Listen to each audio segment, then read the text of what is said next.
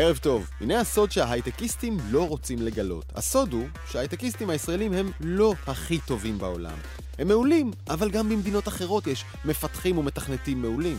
ובהייטק כאן יודעים את זה, יודעים שההייטק ממש לא בכיס של מדינת ישראל. שהמוח היהודי יכול להיות נהדר, אבל הוא לאו דווקא הכי טוב בעולם כולו. יש עוד מוכשרים. האמת שגם בחו"ל זה לא סוד. תשאלו בעולם איפה זה ה start-up nation, רק מעט יגידו לכם ישראל. לפני שנתיים שאל ארגון וייב ישראל 3,000 אנשי עסקים בעולם, במה מדינת ישראל מצטיינת מבחינה עסקית? פחות מאחוז אחד ענו בסטארט-אפים. רק אחד מכל שישה אנשי עסקים זרים ידע שמובילאיי, ווייז או צ'ק פוינט, אחת מהן היא בכלל ישראלית. יש אחלה סטארט-אפים גם באירופה ובסינגפור ובקוריאה ובהודו ובארצות הברית בוודאי, וכשההייטקיסטים מזהירים שהגלגל יכול להסתובב נגדנו, הם יודעים למה. כי יש כאן אנשים מדהימים, כן, אבל גם בעוד הרבה מקומות בעולם. העולם מסתדר בלי ישראל בסדר גמור. זו ישראל שצריכה שהעולם ימשיך להתעניין בה. ואם התנאים כאן נהיים פחות נוחים מבחינה עסקית, כמו מערכת משפט שכבר איננה עצמאית, או סתם חוסר יציבות פוליטי, למה שמשקיע מלונדון או מז'נבה ישבור על זה את הראש, כשיש לו הזדמנויות מצוינות גם בשוודיה ובצרפת או בעמק הסיליקון? הכסף הזה מגיע בסוף להכנסות המדינה מהמיסים שכולנו כאן תלויים בהם. אבל כסף הוא לא הסיבה האמיתית לעצור את המהפכה המשפטית. הסיבה היא ממשלה עם כוח לא מוגבל, דמוקרטיה, ליברליזם וזכויות פרט שנסוגות, ופחות חירות לדבר וליצור, לחקור וללמוד. איזו מדינה הצליחה להתפתח תוך כדי שהיא הולכת אחורה? העתיד עכשיו, תכף נדבר עם אחד מחותמי מכתב האזהרה של 8200 שאומר לא אמשיך להתנדב למילואים למדינה ששוברת את החוזה איתי באופן חד צדדי. נדבר על העלמות מס ממכירת אומנות בקריפטו, נהיה בתערוכת חידושי הסלולר בברצלונה ונאזין לשדרן הרדיו הראשון בבינה מלאכותית. האם הוא ייקח גם מאיתנו את התפקיד? העתיד עכשיו, אני דרור גלוברמן, מתחילים. לעתיד עכשיו, מחאת הייטקיסטים הגיע השבוע לוועדת הכלכלה. אילן סמיש, מנכ"ל אמאי חלבונים, ביקש, התחנן, שלא יאלצו אותו להפוך את החברה שהקים בישראל לחברת Amai Proteins במדינת דלאוור שבארצות הברית. ומסתבר שאלה כבר לא איומים בודדים. דוקטור מיכל צור שלו, מייסדת משותפת ונשיאת חברת קלטורה, כמה מחברות ההייטק שוקלות להוציא את פעילותן מישראל בעקבות המהפכה המשפטית? נכון לפני שבוע שאנחנו הוצאנו סקר למעל 150 חברות, כמעט חצי מהן אה, אמרו שהן שוקלות, וגם כמעט 90% מהמשקיעים שהיו בסקר אחר לקרנות, אמרו שהם מנחים את החברות שלהם כרגע להתאגד מחוץ לישראל. 90 אחוזים, זה שיעור עצום. אה, ובואי נסביר באמת באופן הכי פשוט, למה בעצם? מה הקשר? צריך להבין מה, מה הבעיה. הבעיה היא שהמדינה בכלכלה שלנו הנוכחית נשענת על מגזר ההייטק בצורה מאוד משמעותית. אני נדהמתי לגלות uh, בשבועות האחרונים שיותר משליש מההכנסות uh, ממס הכנסה מגיעות ממגזר ההייטק. יותר מ-65% מהמיסוי הפרטני מגיע מההייטק. כלומר, תבין, אם מגזר ההייטק קורה לו משהו, הכלכלה פה מתרסקת. עכשיו, 90% מכל המחקר והפיתוח במדינה ממומן על ידי המגזר הפרטי, הוא לא ממומן על ידי הממשלה, ויותר מחצי מזה מגיע מחוץ לישראל. בעצם צריך להבין, מה שקורה זה שכל המשקיעים שיושבים מחוץ לישראל מסתכלים על הבלגן פה במדינה, מסתכלים על הרפורמה הזאת ועל um, הפגיעה בעצמאות uh, של הרשות השיפוטית ועל אי הוודאות הכלכלית שהמדינה תגיע אליה ולא עוזר לזה בכלל הצהרות נוספות על uh, התערבות במדיניות הריבית ועוד ופגיעה בעצמאות של בנק ישראל ועוד כל מיני דברים שאני שומעת. מסתכלים מבחוץ מסתכלים גם על ההתלהטות, כלומר אף אחד לא מנסה להרגיע את ההתלהטות, והם חוששים. כן. ולנו אין שום דרך להשפיע על החשש הזה. אבל, אני רוצה רגע לחזור, אני רוצה רגע לחזור, מיכל, לבעיה היסודית. למה שלמשקיע מז'נבה או מארצות הברית יהיה אכפת מהרכב הוועדה למינוי שופטים או מעצמאותו של היועץ המשפטי לממשלה? יש כמה סיבות שזה אכפת להם. קודם כל, עצמאות של אה, אה, רשות שופטת זה משהו שהוא מאוד משמעותי, כי הרבה מאוד עניינים אה, מגיעים בסופו של דבר, חילוקי דעות עסקיים מגיעים לבתי משפט, וגם הרבה מאוד מה, מהזכויות שאנחנו מניחים שהן כאילו מוגנות, כלומר דברים כמו זכות קניין, חופש ביטוי שהוא חשוב בחברות, חופש ביטוי שחשוב באוניברסיטאות, הרבה מאוד חברות נשענות על מדענים מאוניברסיטאות. כל הדברים האלה שאנחנו מניחים שהם קיימים, הם, הם לא באמת קיימים, כן? אם הם לא יהיו מוגנים על ידי uh, בתי המשפט, והם יכולים להילקח בשנייה אחת. כלומר, כל, הש... כל השיטה החדשה שמוצעת היא שיטה שהיא לא מגינה באופן בסיסי על הדברים האלה, וצריך שהשיטה תוכל להגן עליה. לי לא מספיק טוב שיגיד לי um, חבר בוועדת החוקה, אל תדאגי, אף אחד לא יפגע בקניין שלך. עכשיו, כרגע, במערכת הנוכחית, אנחנו יכולים לפנות לבית משפט ולהגיד, רגע, פוגעים לנו רטרואקטיבית בפנסיה. עכשיו, כולם אומרים, מה פתאום, כשזה יגיע לקריאה שנייה, אל תדאגי, אנחנו מגינים על האזרחים. אני דואגת. למה? כי ב- ביום אחרי, לא יהיה לי שום דבר לעשות בתור אזרח כדי להתגונן מפני כזאת החלטה. עכשיו, מסתכלים על זה משקיעים מבחוץ, יש המון החלטות שיכולות לפגוע בהתנהלות תקינה של העסקים. בין אם זה שאנחנו כחברות הייטק נשענות הרבה פעמים על העסקה של עובדים בסופי שבוע, בין אם זה שאנחנו, אין לנו שום ודאות לגבי המשטר המיסויי, בין אם זה שיכולים עכשיו להחליט שמלאימים את כל הפנסיות ומטילים מס מיוחד על ההייטק, כי ההייטק מרוויח יותר מדי, אני רואה כל מיני אמירות פופוליסטיות. אז כלומר, זה מאוד מטריד את כל המשקיעים. בוא נראה אם הבנתי נכון. אה, כשמשקיע זר אה, בא להשקיע בישראל, הוא גם מתחתן עם מערכת המשפט שלה, כי היא מעכשיו תכריע על הכסף שהוא העביר והשקיע כאן, ואם מערכת, הוא מבין איך המערכת המשפט הזאת מתכוונת לפעול, הוא יכול לשער. אה, אז זה עניין אחד, ואם הוא לא מבין, כי זה הולך להיות שרירותי וטנטטיבי ותלוי ברוח, זה דבר הרבה יותר מלחיץ. ופוליטי, וגם פוליטי. עם יד על הלב, אה, אם אני מסתכל על שיקול הדעת של משקיע זר, 90% המשקיעים שאתם סקרתם וטענו שמעדיפים עכשיו להקים חברות לא בישראל אלא בחוץ, מה השפיע עליהם יותר? אה, עצם השינויים המוצעים במערכת המשפט, או ההתקוממות של אנשי ההייטק הישראלים, שבעצם צועקים גוואלד ומבהירים לאותם משקיעים מה אולי עלול לקרות כאן? הם בסופו של דבר תלויים במה שכותבים בניו יורק טיימס והוול סטריט ג'ורנל, ולא במה שאנחנו נגיד או מה שאיזשהו פוליטיקאי פה יגיד כדי להרגיע אותם. כי בסוף, בוא נבין, פוליטיקאי בסופו של דבר, וזה לגיטימי דרך אגב שאי אפשר לסמוך על המילה שלהם, או שלא לגיטימי, זה לא משנה, אבל אני לא סומכת על מילה שלהם, אני רוצה שהשיטה תגן, וגם הם רוצים שהשיטה תגן. כלומר שבסיטואציה שבה הם צריכים להתגונן ולהגן על ההשקעות שלהם, הם רוצים לדעת שהם יוכלו לעשות את זה. כן. והשיטה שמוצעת כרגע לא תאפשר את זה. ודרך אגב, יכול להיות שפתרון להרבה מהדברים האלה, במקום לסמוך על בתי המשפט שהם יהיו אלה שמגנים על הזכויות הקנייניות והחירויות שלנו, שאחת ולתמיד מישהו ילך ויגן על הדברים האלה. דרך אגב, זה גם יעזור לכל המגזרים והגוונים. מה זה אומר אחת ולתמיד מישהו ילך ויגן על, על הדברים האלה? לפחות שיהיו חוקי יסוד משוריינים שמגנים על החירויות הבסיסיות שלנו, על קניין, על עיסוק, על ביטוי. אין שום דבר שמגן על חופש ביטוי כרגע. כן. על, על השוויון בפני החוק. היום, אני, למה שאני לא יובטח לי את אותו סוג של אה, שוויון בפני החוק ש, שיש לאחרים? אז הדברים האלה פתאום ייתנו שקט לכולם, ש, כי מאחוריהם, כרגע בעצם, אני ניסיתי להבין, ואני חושבת שהרבה חשוב לנהל את השיחות האלה, להבין למה יש את השנאה העמוקה הזאת למערכת המשפט. זה משהו שאני מרגישה אותו משיח עם, עם, עם כל מיני אנשים שמנסים לקדם את הרפורמה.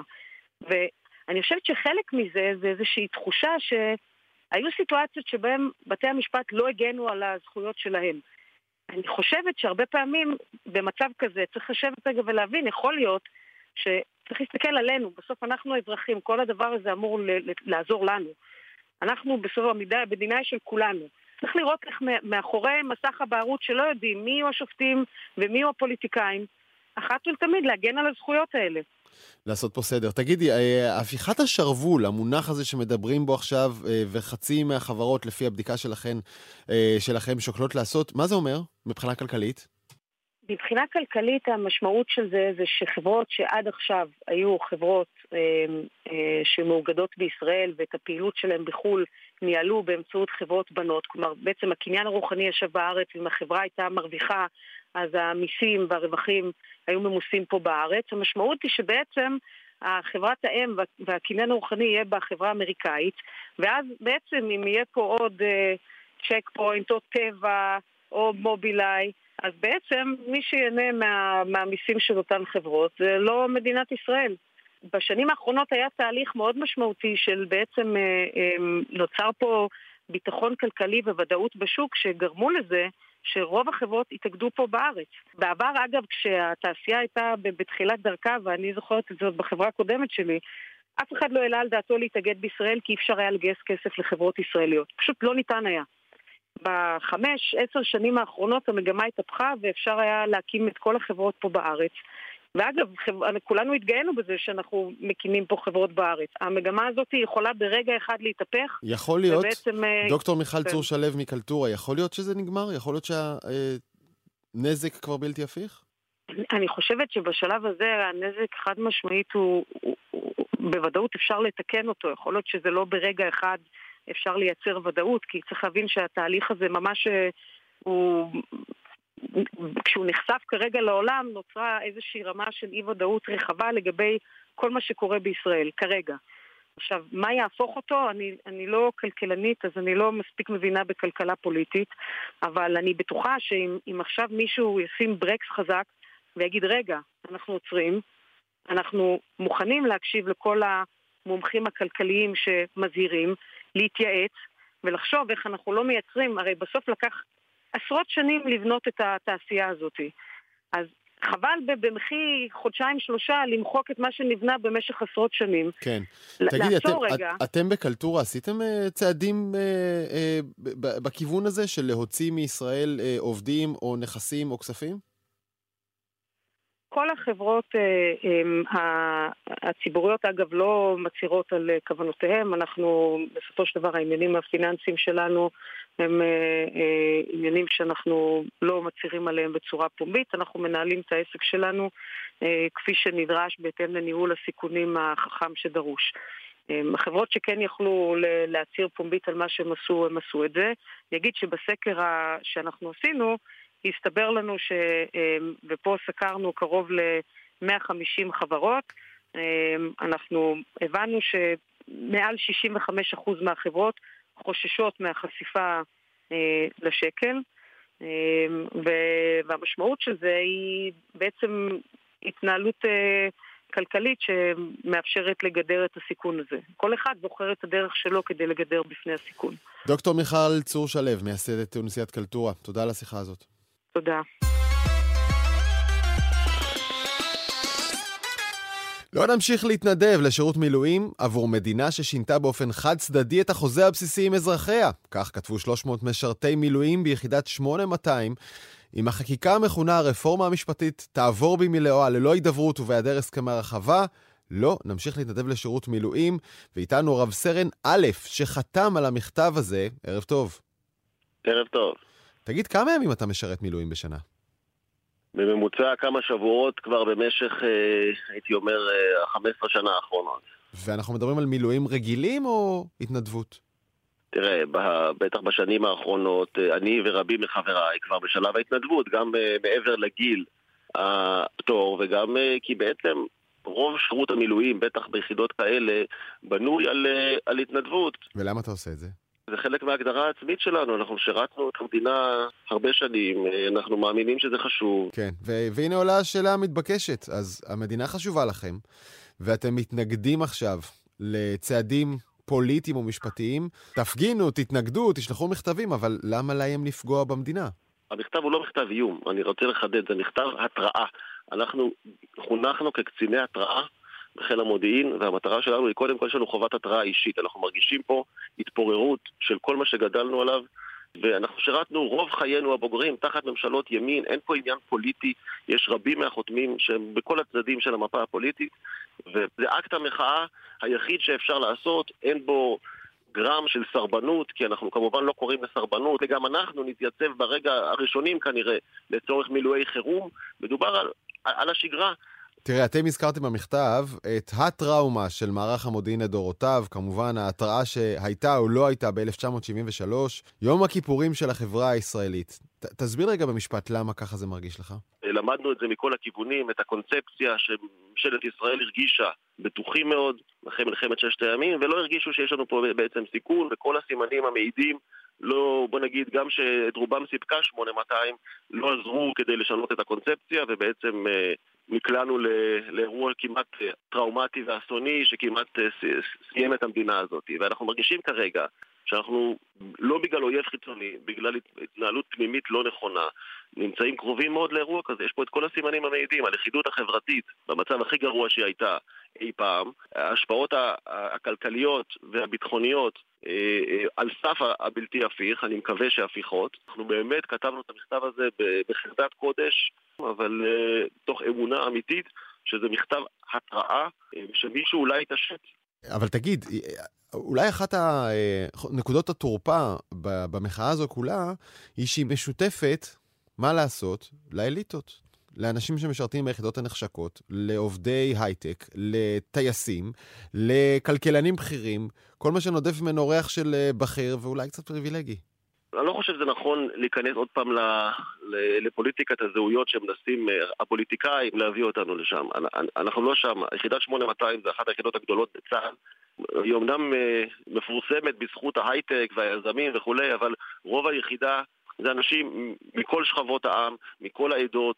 אני חושב שלהתייחס אה, אה, ליחידה כיחידה פריבילגית זה כבר לא רלוונטי. תגיד, לאיזה עומק אתה חושב שהסירוב להתנדב או הסירוב לשרת עוד עלול להגיע? כלומר, אתם כרגע מדברים מהמקום של המתנדבים אה, ליחידה, שאני מניח שאתם אה, אה נחוצים כמובן בתפקידים שלכם.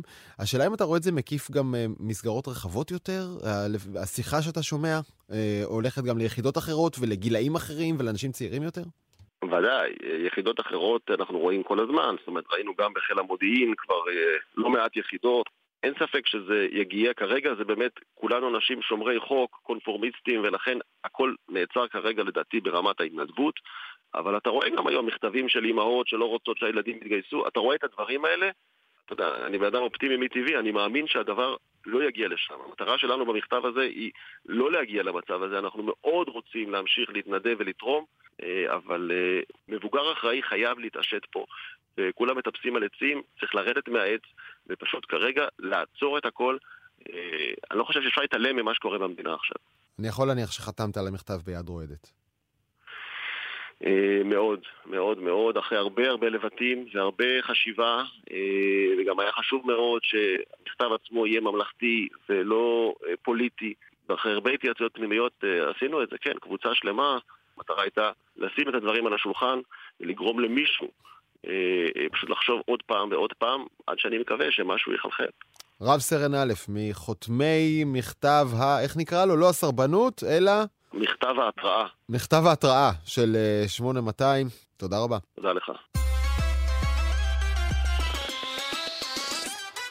העתיד עכשיו, לפי החשד, מעצב גרפי מוכר, מכר יצירות דיגיטליות בצורת NFT, הכניס לכיסו שלושה מיליון שקלים במטבעות דיגיטליים, ולא דיווח על ההכנסות לרשות המיסים, הוא נעצר השבוע. במקביל, ממשלת ישראל מקדמת מיסוי נרחב יותר של המטבעות הדיגיטליים, הקריפטו, כלומר ביטקוין וכולי. איתנו שניים, עמיתי זיו מטק 12, ערב טוב עמיתי. ערב טוב. וגידי בר זכאי, מנכ"ל ביטקס, לשעבר סמנכ"ל בכיר ברשות המיסים ומומחה למיסוי קריפטו. שלום גידי.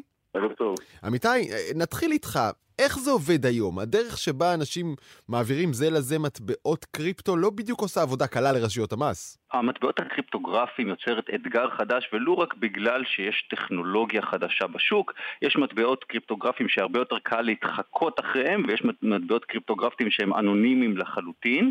ומאפשרים גם העלמות מס. רשות, רשויות המיסים מתמודדות עם זה בכל העולם. בישראל היו כבר כמה תיקים שנוגעים לניסיון להעלמה של, של מס באמצעות ביטקוין, מטבעות אחרים, וזה מקרה שמבחינת רשות המיסים הוא תקדימי, כי הוא נוגע ל-NFT, לטכנולוגיה שנקראת uh, אה, NFT, ומדובר באדם שקוראים לו בן בן חורין, הוא מעצב מוכר, אדם נורמטיבי, מרצה בשנקר, וגם בעצמו יוצר, והוא מכר יצירות בשיטה של NFT, ש-NFT, רק נזכיר, זה בעצם מערכת שמאפשרת לרשום בעלות חד-חד ערכית ולהגיד אני הבעלים של היצירה הזאת, גם למרות שהיא זמינה לכולם באינטרנט ויש לזה איזשהו ביקוש אה, ואותו אמן מכר בשלושה מיליון שקל, לפי הודעת רשות המיסים, אה, יצירות אומנות. וכאן מתחיל סיפור שהוא סיפור של uh, מיסוי. כן.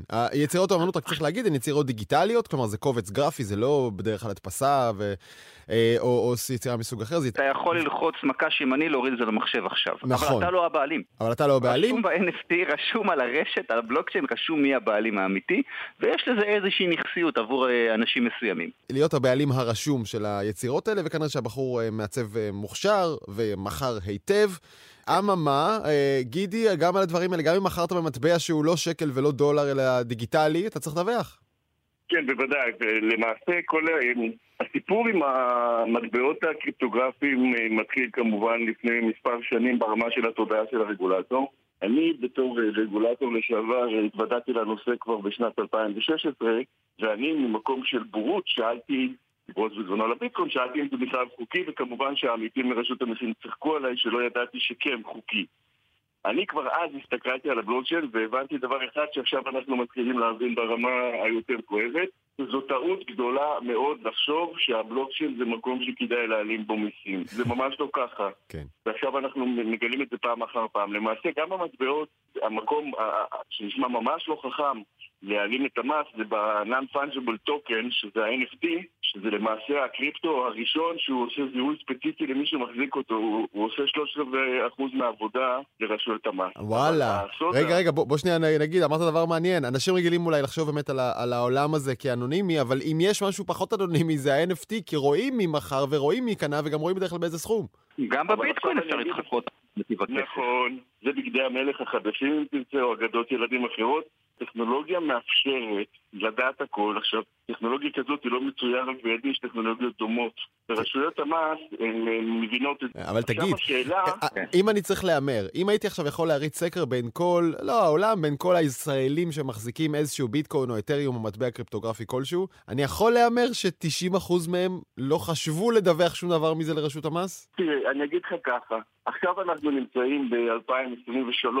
בתחילת התהליך בוודאי שלא חשבו והיו המון שאלות ויש גם פסיקה ידועה בישראל על השאלה אם הביטקוין הוא מטבע או נכס. הכתובת על הקיר כבר המון זמן. רשויות המס אמרו בבירור, עכשיו אנחנו בחוק ההסדרים, הם יוצרים הסדרה. אני, אני חושב, וככה אנחנו גם אה, אה, טוענים כלשכה, זה נכון שצריך לדווח, אבל הרשות צריכה לעשות את זה אולי בצורה... קודם כל מי שלא דיווח בכלל, אז אי אפשר להגיד לרשות אל תאכפו את החוק. אבל כל מי שמחזיק את המטבעות ומדווח עכשיו, צריך לתת לו לדווח. לא צריך להגיד למה באת רק עכשיו עברו 4-5 שנים. וזה למה? כי לא היה ברור בדיוק איך מחשבים את הרווח. אגב, בעוד אתם מדברים, מיד אתה תגיב אמיתי, רק תדעו שבעוד אתם מדברים, אביבה העורכת שולחת לי עוד ידיעה שפורסמה אתמול בוואלה, שני צעירים נעצרו בחשד שהסתירו רווח, הסתירו רווח של 8 מיליון שקלים ממכירת NFT של אבני הכותל המערבי. זה מטורף. זה התחום הזה הוא תחום מטורף, אני תמיד אומר לצוות, יש לי צוות של 17 אנשים. אנחנו כמו ילדים בחנות ממתקים, כי כל פעם יש משהו חדש, והאבנים בכותל, שעכשיו מוכרים אותם כ-NFT, שאפשר למכור אבנים מהכותל, שאתה תחזיק אבן מהכותל ותקבל ברכה, ויש לך הוכחה דיגיטלית כזה, אבל מה לעשות, גם רשות המיסים רואה טוב. איך אתה מוכיח שהיית הבעלים של האבנים הללו מהכותל מלכתחילה כדי למכור אותן? אתה רק צריך להוכיח שאתה לקחת קוד פתוח באינטרנט, והצעת אותו למכירה, והיה ביקוש, ויש לך תמונות של קופים, ויש לך אין סוף עולם שלם ומלואו. רק בשביל להשלים את הסיפור, הם מכרו הולי רוק. הולי רוק NFT, כל אבן כזאת עלתה 0.6 איתריום, שזה היום משהו כמו אלף דולר, וככה הם הכניסו מדהים. 8 מיליון שקלים, ודיווחו על הכנסות של 50 אלף שקל. אה, עמיתי. אני רוצה לסבך אותנו עוד קצת, אה, פשוט שוחחתי עם אה, עורך דינו של, אה, של בן בן חורין, וגם עם כמה אנשים בקהילת הקריפטו, ואני רק אקדים ואומר שאני לא מכשיר או מקל ראש בהעלמת מס, אבל יש כמה נקודות שהן אלו ששווה להתעכב אליהם. הנקודה הראשונה היא לא ידעתי. עכשיו, לא ידעתי, אתה אומר לי, נו באמת, מה לא ידעת? כאילו, לא, שלא, לא ידעת שצריך לשלם מס, איזה מין טיעון זה. אבל מה שקורה זה שבישראל, אם אתה רוכש ביטקוין, אתה לא חייב במס. אם אתה מחזיק ביטקוין, גם אם הוא שווה מיליון דולר, אתה לא חייב במס. מתי אתה חייב במס? מתי קורה אירוע מס? באחד משני מקרים. או שאתה מחזיר את הביטקוין למטבע רגיל, מה שנקרא פיאט בעולם הקריפטו, כלומר, מוכר את הביטקוין כן. חזרה לדולר או לשקל או ליורו, כן? כן, בדיוק. אתה, זה כבר אירוע מס ואתה חייב לשלם מס על הרווח, mm-hmm. נעשה רווח באירוע הזה, או אם אתה ממיר אותו למטבעות אחרים. זאת אומרת, מכרת אתריום, החלפת עכשיו לביטקוין, אתה חייב באירוע מס, או לכל מטבע אחר. אוקיי? וזה מה שקרה במקרה הזה. זאת אומרת, ככל שאנחנו יודעים, הבן אדם לא עשה קאש אאוט לעולם האמיתי, למשהו שאפשר לקנות אותו חלב בסופר, בשום שלב. הבנתי. כמה שאנחנו נוהגים אה, לזלזל בטיעון לא ידעתי... כל נכס, לאו דווקא נכס קריפטוגרפי, משלמים עליו מס בעת המכירה. רשות המיסים אוחזת בטענה נכון. שאנחנו חולקים עליה, שכשמחליפים את הנכסים האלה זה אירוע מס, זה אולי אירוע מס, אבל הוא לא צריך להיות חייב במס כי זה נכסים דומים. עד שזה יקרה, מאחר וה-IRS קבע שזה חייב במס, זה אירוע מס. אני מבין שממשלת ישראל עכשיו כן נעה לכיוון אה, הוראות חדשות שימסו את הביטקוין בצורה אולי יותר אה, מפורטת. אז כן, אז אני אגיד את זה כמה שיותר פשוט. בוא נאמר ככה, השאלה אם זה חייב או לא, היא כבר נהנתה לפני המון שנים, 4-5 שנים בכל רם. עכשיו הם מפרסמים הוראות, אה, וגם מפרסמים חקיקה שתקבע הוראות איך לחשב את רווח ההון, שזה קריטי, ועכשיו יעשו את זה ויהיה יותר קל לדווח. אבל שאף אחד לא יבוא תחת הנחת עבודה שהוא רשאי לעשות דין לעצמו ולא לדווח כי הוא יסתבך. מי שרוצה לטעון טענות, זה טענות נפלאות, אפשר לטעון שאל תועד אולי לא חייב. קשה לטעון על הכנסה שהתקבלה שלא ידעת שאתה צריך לדווח. אבל אה, חשוב לדווח ולטעון, לדווח ואז לטעון, לא להשאיר את זה פתוח ואז עוצרים אותנו. ואני רוצה רגע לחזור כן. לנקודה שהזכרת במהלך השיחה. אם קניתי כבר, אתה יודע, ב-2013, ב-2017, בשנים האחרונות קניתי מתישהו מטבעות כאלה כמו ביטקוין. אה, כי התלהבתי כמו כולם, אה, ובאמת לא דיווחתי, חשבתי שזה לא רלוונטי. אם אני בא עכשיו, יעשו לי בלאגן? אז אנחנו הצענו מטעם לשכת רואי חשבון לרשות המיסים, תעשו אפשרות לעשות הסדרה, גם כנראה יהיה גילוי מרצון ואולי אפילו הסדר. אה, אבל זה עוד לא אומץ. אבל זה עוד לא אומץ. עכשיו זה הזמן. אבל אני אומר, זה עוד לא אומץ. מי שיבוא לדווח היום, אנחנו עושים את זה כמעט מדי יום ביומו, לא יעמידו אותו לדין. הבנתי. לפני שניפרד, אמיתי, אז מה היה לבדינו של אותו מעצב בן חורין שנעצר בחשד להעלמת מס? אז תראה, אומרים כמה דברים שיכולים לעמוד לצידו. הראשון הוא שבעצם לא אמור להיות מדובר פה באירוע פלילי. לקחו פה איזושהי עקיפה מאוד חמורה, נכנסו לו לבית, לקחו לו אה, טלפונים סלולריים, פרסמו את שמו ברבים, כשבסך הכל מדובר בתיק של שומת מס. זאת אומרת, יש טענה שהוא אה, קורבן של בעצם יראו ויראו, איזשהו שעיר לעזאזל, שרשות המיסים רצתה בעצם אה, להראות, אנחנו בעניינים, אנחנו יודעים לאכוף קריפטו, אל, אל תתעסקו איתנו, אבל הוא קורבן של איזשהו אדם נורמטיבי שלא עשה עבירה מימיו, אה, איש משפחה, אה, שבעצם עשו מולו הליך פלילי חמור, כשהיה אפשר לסגור את זה בשני מכתבים אדומים ולפתוח לו שומת מס. כלומר, אתה אומר, ייתכן, ייתכן שהוא לא היה לחלוטין מודע לזה שהוא עושה עבירת מס, אה, לא שזה משחרר אותך, אבל היה אפשר לפתור את זה אחרת, ו- והנה הם הרוויחו את האייטם הזה שלנו. נכון, אז, אז קודם כל, יכול להיות שהוא לא ידע, זה, זה לא טיעון שהוא, זה לא טיעון קביל בבית משפט בכל מקרה, זה גם לא טיעון סביר, אבל האמת היא שגם אם תחפש עכשיו בפקודת המס את ההסבר שאומר שברגע שאתה ממיר בין שני מטבעות קריפטוגרפיים אתה חייב במס, זה לא פשוט למצוא את זה. זו עובדה ידועה בקהילת הקריפטו, אבל זה לא משהו שפשוט למצוא אותו. וטענה okay. אוקיי. שלישית היא לעניין הטכניקליטיז. בסדר? הטכניות שגם אם מישהו רוצה לשלם מס, אז דבר ראשון, ברגע שהוא המיר מ... לצורך העניין אתריום לביטקוין, נוצרה לו חבות מס על, במקרה הזה שלושה מיליון שקל, וזה מס רווחי הון אז בערך 750 אלף שקל. צריך לשלם מס, רבע? כן. הוא צריך לשלם מס, נוצר לו, אין לו את הכסף הזה. זאת אומרת, הוא צריך לשלם 750 אלף שקל, כשהוא בעצם החליף בין מטבע למטבע, או כמו שעורך דינו של, של, של האיש אומר, בין חמור לחמור.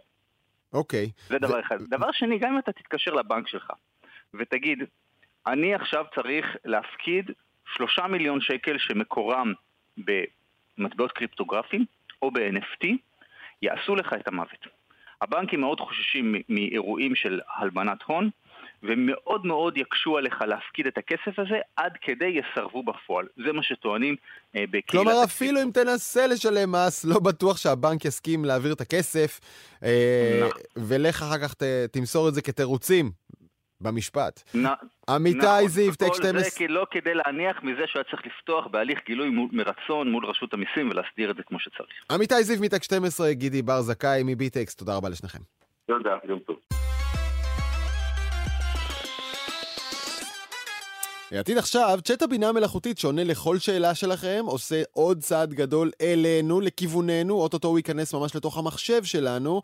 עומר עזרן, כתבתנו לענייני טכנולוגיה, הדיווח שלך. כן, דרור, אז אה, מייקרוסופט לא ממש הצליחה עד כה להכניס את הדפדפן של האדג' ומנוע חיפוש בינג למיינסטרים. היא תמיד הפסידה לדפדפן כרום והחיפוש של גוגל, אבל עכשיו היא נותנת fight לגוגל בעזרת תוסף חדש, צ'אט בינה מלאכותית. כשאתם תשאלו את הצ'אט שאלה כלשהי לאן מתנה לקנות לאבא, הוא מרכיב לכם את התשובה מול העיניים, בניגוד למנוע חיפוש רגיל שעונה לכם עם לינקים שמפנים לאתרים, בהם אולי התשובה נמצאת, שולח אתכם להמשך המחקר. הצ'אט הזה דומה לצ'אט GPT כי הוא תוצאה משיתוף פעולה בין מייקרוסופט ל-OpenAI, המפתחת של אה, GPT.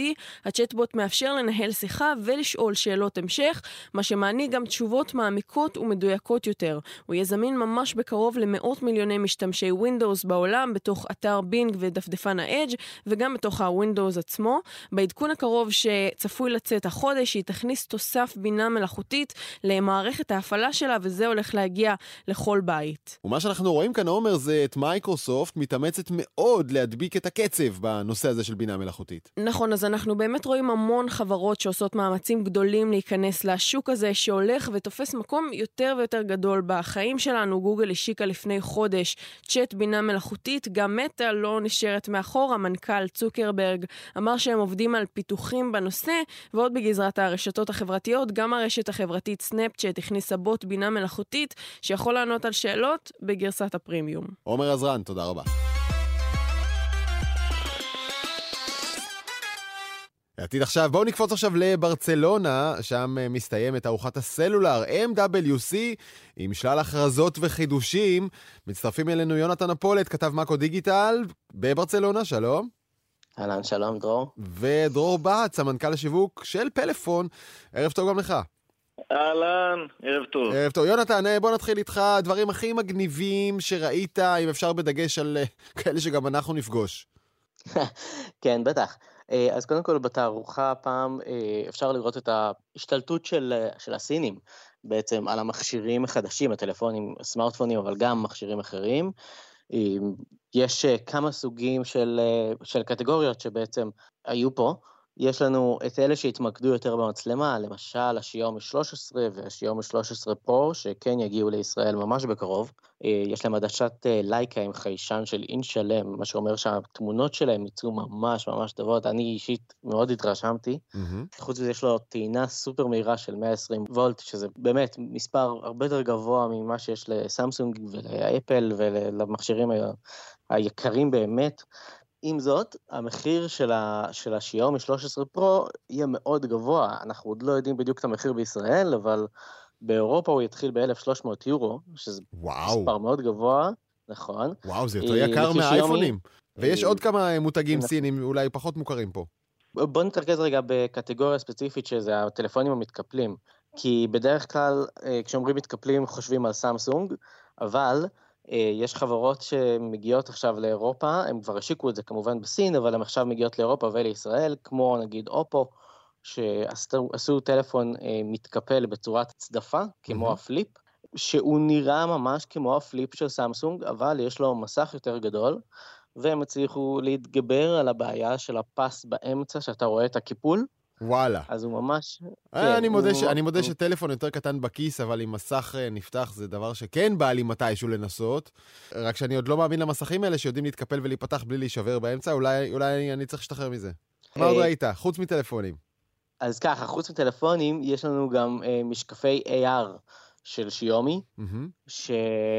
אתה יודע, עוד כמה חודשים יצא המשקפי אה, AR-VR של אפל, ואז השוק ישתנה לגמרי כמובן, כי כשאפל מוציא מוצר, הכל משתנה. זה עדיין אה, בינתיים... משקף כבד ומלחיץ, שחוסם לך את קרייה ושובר לך את הצוואר? אה, זהו, שבדיוק לא. זה כבר לא. זה, מש... זה שוקל רק 126 גרם. אוקיי. Okay. הוא אפילו, הוא אפילו בלי חוט, בניגוד לכל שאר החברות שכרגע יש להם איזשהו כבל שמתחבר למשקפיים, אלא זה ממש ויירלס, mm-hmm. ואפשר גם ממש כבר אה, להשתמש בטלפון. הטלפון ממש מוצג, אתה יכול אה, עם היד להעביר עכשיו אה, טיקטוקים.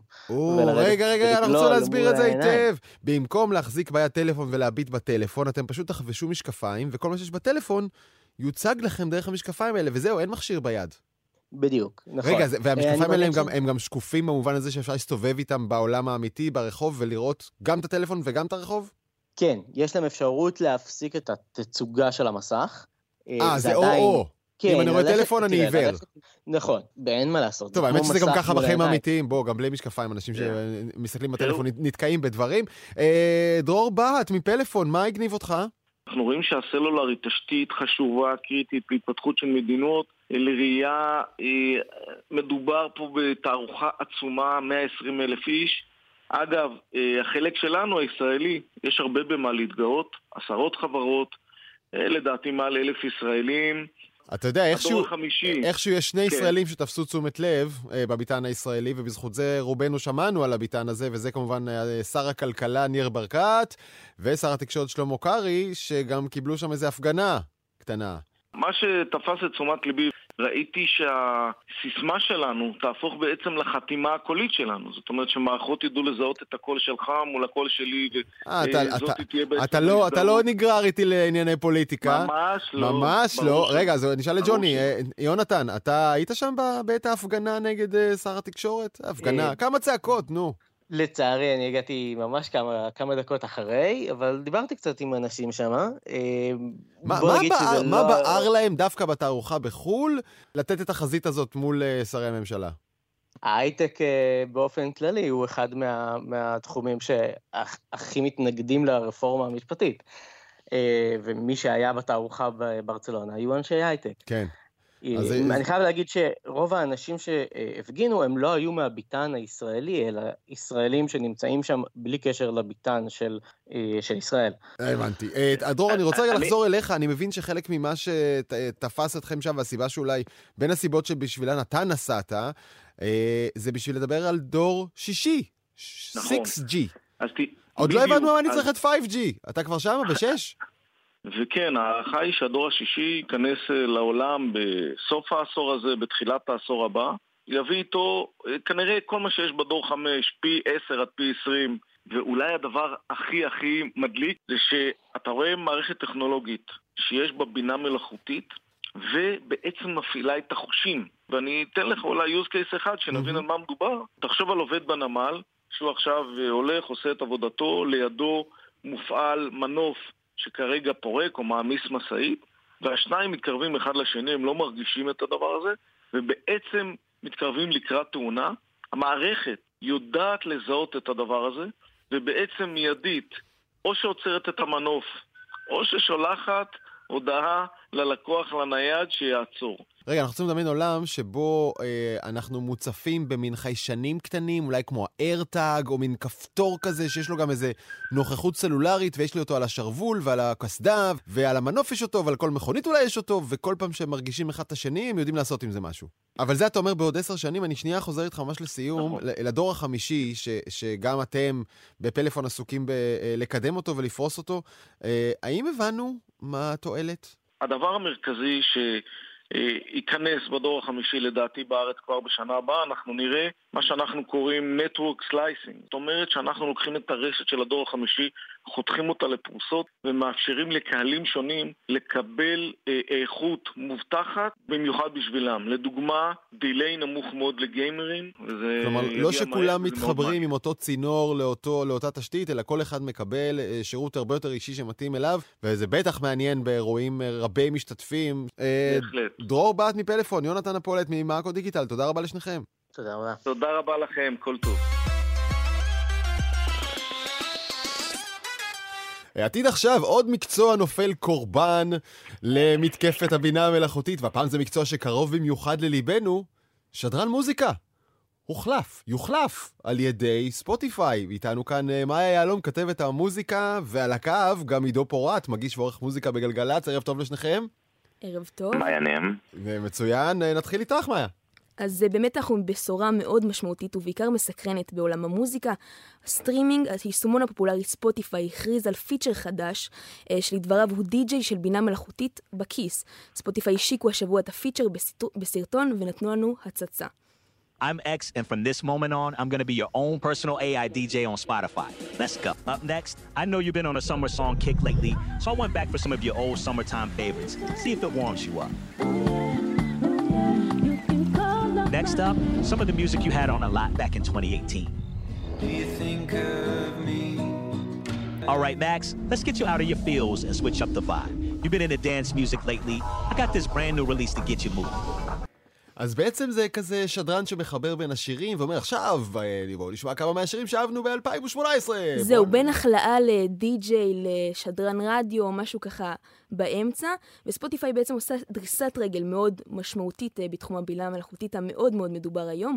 היא מציגה את התחליף שלה, התחליף הטכנולוגי לדי-ג'יי או לשדרן הרדיו, פיצ'ר מסקרן מאוד. לפי החברה, המערכת תשלב בין שירים עם קטעי פרשנות מדויקים ורלוונטיים מבחינה תרבותית, אבל עם תחושה של מגיש רדיו, מישהו שאתה מכיר, קול אמיתי לגמרי. הוא משלב את טכנולוגיית ההתאמה האישית של ספוטיפיי, אותה אנחנו כבר אה, מכירים, וטכנולוגיית בינה מלאכותית אה, חדשה. Mm-hmm. שירות יהיה זמין כרגע רק בארצות הברית אה, ובקנדה, וכמובן שאם הדבר הזה יצליח, אז אנחנו לא ירחק היום שנראה את זה גם אה, בישראל. ספוטיפיי טוענת שיש לה אורחים שאחראים לוודא שהפרטים אה, מדויקים לחלוטין, שלא מדובר ככה בשטויות שהבינה המלאכותית המציאה, אבל אנחנו עדיין לא יודעים בדיוק איך זה יתבצע. ספוטיפיי עדיין לא יודיע איך היא תוודא שכל מה שהבינה המלאכותית אומרת בעצם אה, נכון, אבל מדובר בבשורה מאוד מאוד אה, משמעותית, שאולי תשנה את הדרך שבה אנחנו שומעים מוזיקה, את הדרך שבה אנחנו אה, מתייחסים וצורכים אה, גם רדיו. אה, בקיצור, השאלה עוברת אליך, עידו. איך אה, זה מרגיש עם אה, אקדח של בינה מלאכותית מכוון לרקה? כלומר, לפה, למיקרופון. אני, אני אגיד לך משהו, אני לא יכול שלא להיזכר באחד מקטעי הטראנס המפורסמים ביותר בהיסטוריה של ההרכב הבריטי, פייתלס, שלקטע הזה קוראים God is a DJ. כן. Uh, היום אני לא בטוח שזה היה עובר, היום יכול להיות שהיו קוראים לזה AI is a DJ. Uh, אבל מה שכן, uh, אני לא כל כך מפחד. אני אסביר לך למה. מצד אחד, הקול של אקס, כן, של השדרן, אה, נשמע טוב, הם, בעזרת המילה המלאכותית הם כן ייצרו איזשהו אה, רובוט שאין לו אינטונציות מוזרות, כמו שאנחנו רגילים לשמוע מכל מיני בינות מלאכותיות נכון. אחרות שמדברות. הוא אפילו יודע לדבר על אינטרו. הוא אמנם לא עושה את זה טוב, אבל הוא יודע לדבר על אינטרו של שיר. אינטרו, כלומר, אינטרו. לדבר על ההתחלה או על הסוף של שיר, ולא על ה... כן, שייכנס בתזמון המדויק. בתזמון הנעים, לא על איפה שהזמר שר.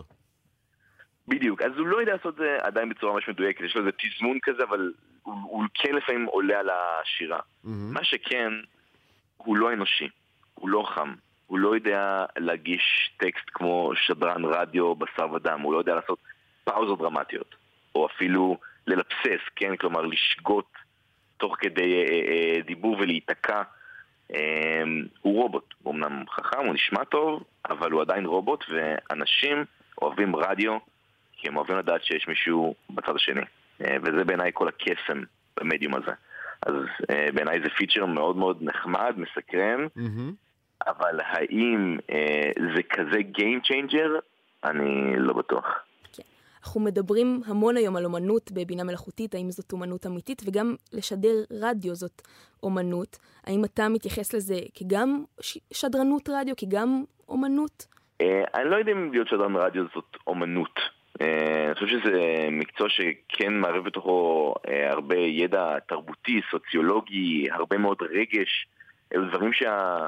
כי יודעת, ידע תרבותי וסוציולוגי אולי ה-AI יודע לקרוא את זה מתוך טקסט, אבל רגש, אני עדיין לא בטוח שהוא יודע להביע.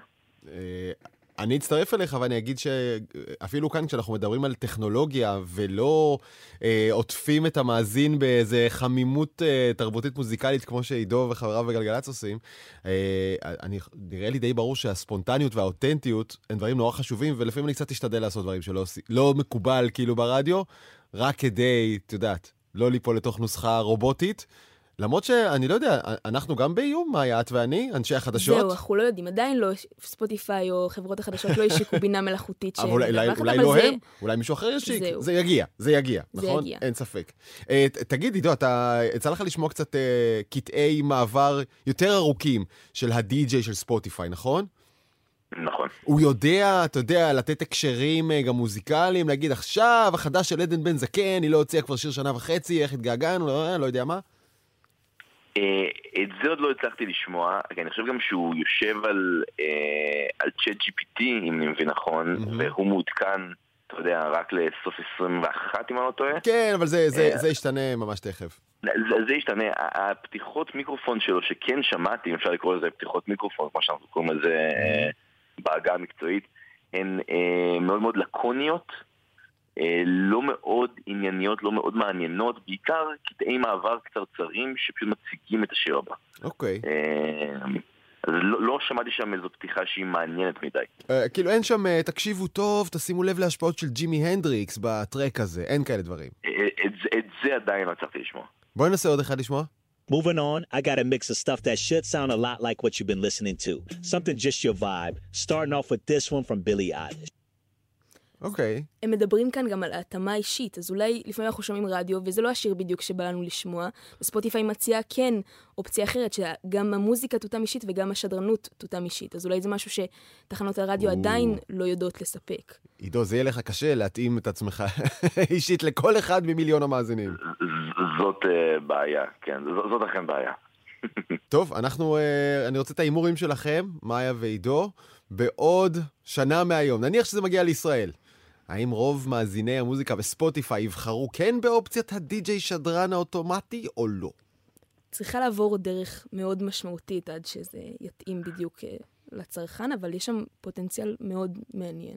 עידו?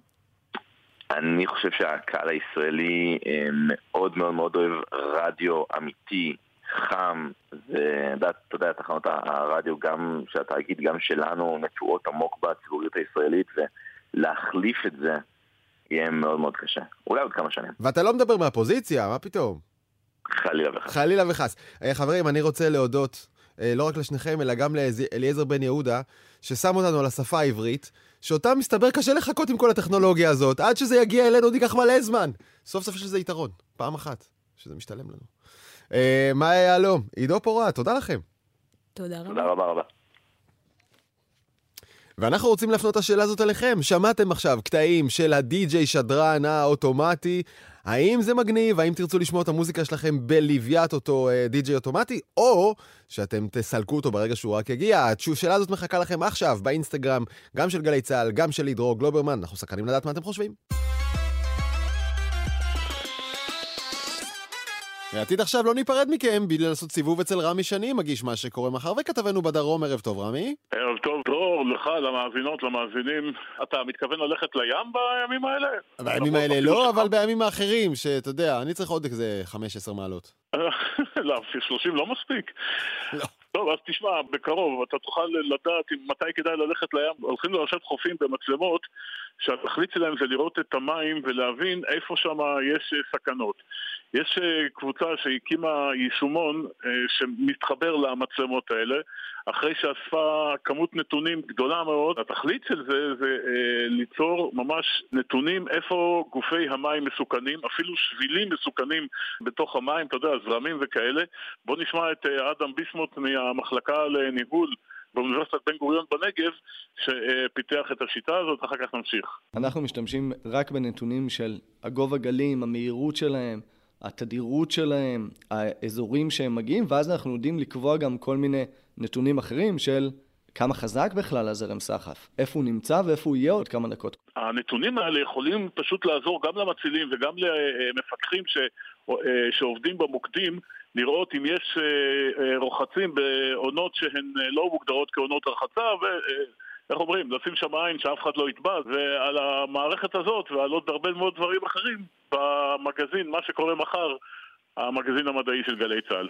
אתה יודע, אנחנו דיברנו קודם על uh, המגיש הרדיופוני, הדי-ג'יי שמוחלף על ידי בינה מלאכותית, נראה לי שאפילו מצילי הים יכולים להיות טיפונת מוטרדים. אולי אפשר... אתה יודע ש... מישהו בסוף אבל צריך לחקור, לחתור על חסקה להציל, זה המזל. אתה מכיר מציל, אתה מכיר את איציק המציל, נראה לך שהוא יחליף הנשמה מפה לפה ברובוט? אין רובוט שהסכים להחליף אותו. Uh, תודה רבה, רמי שני.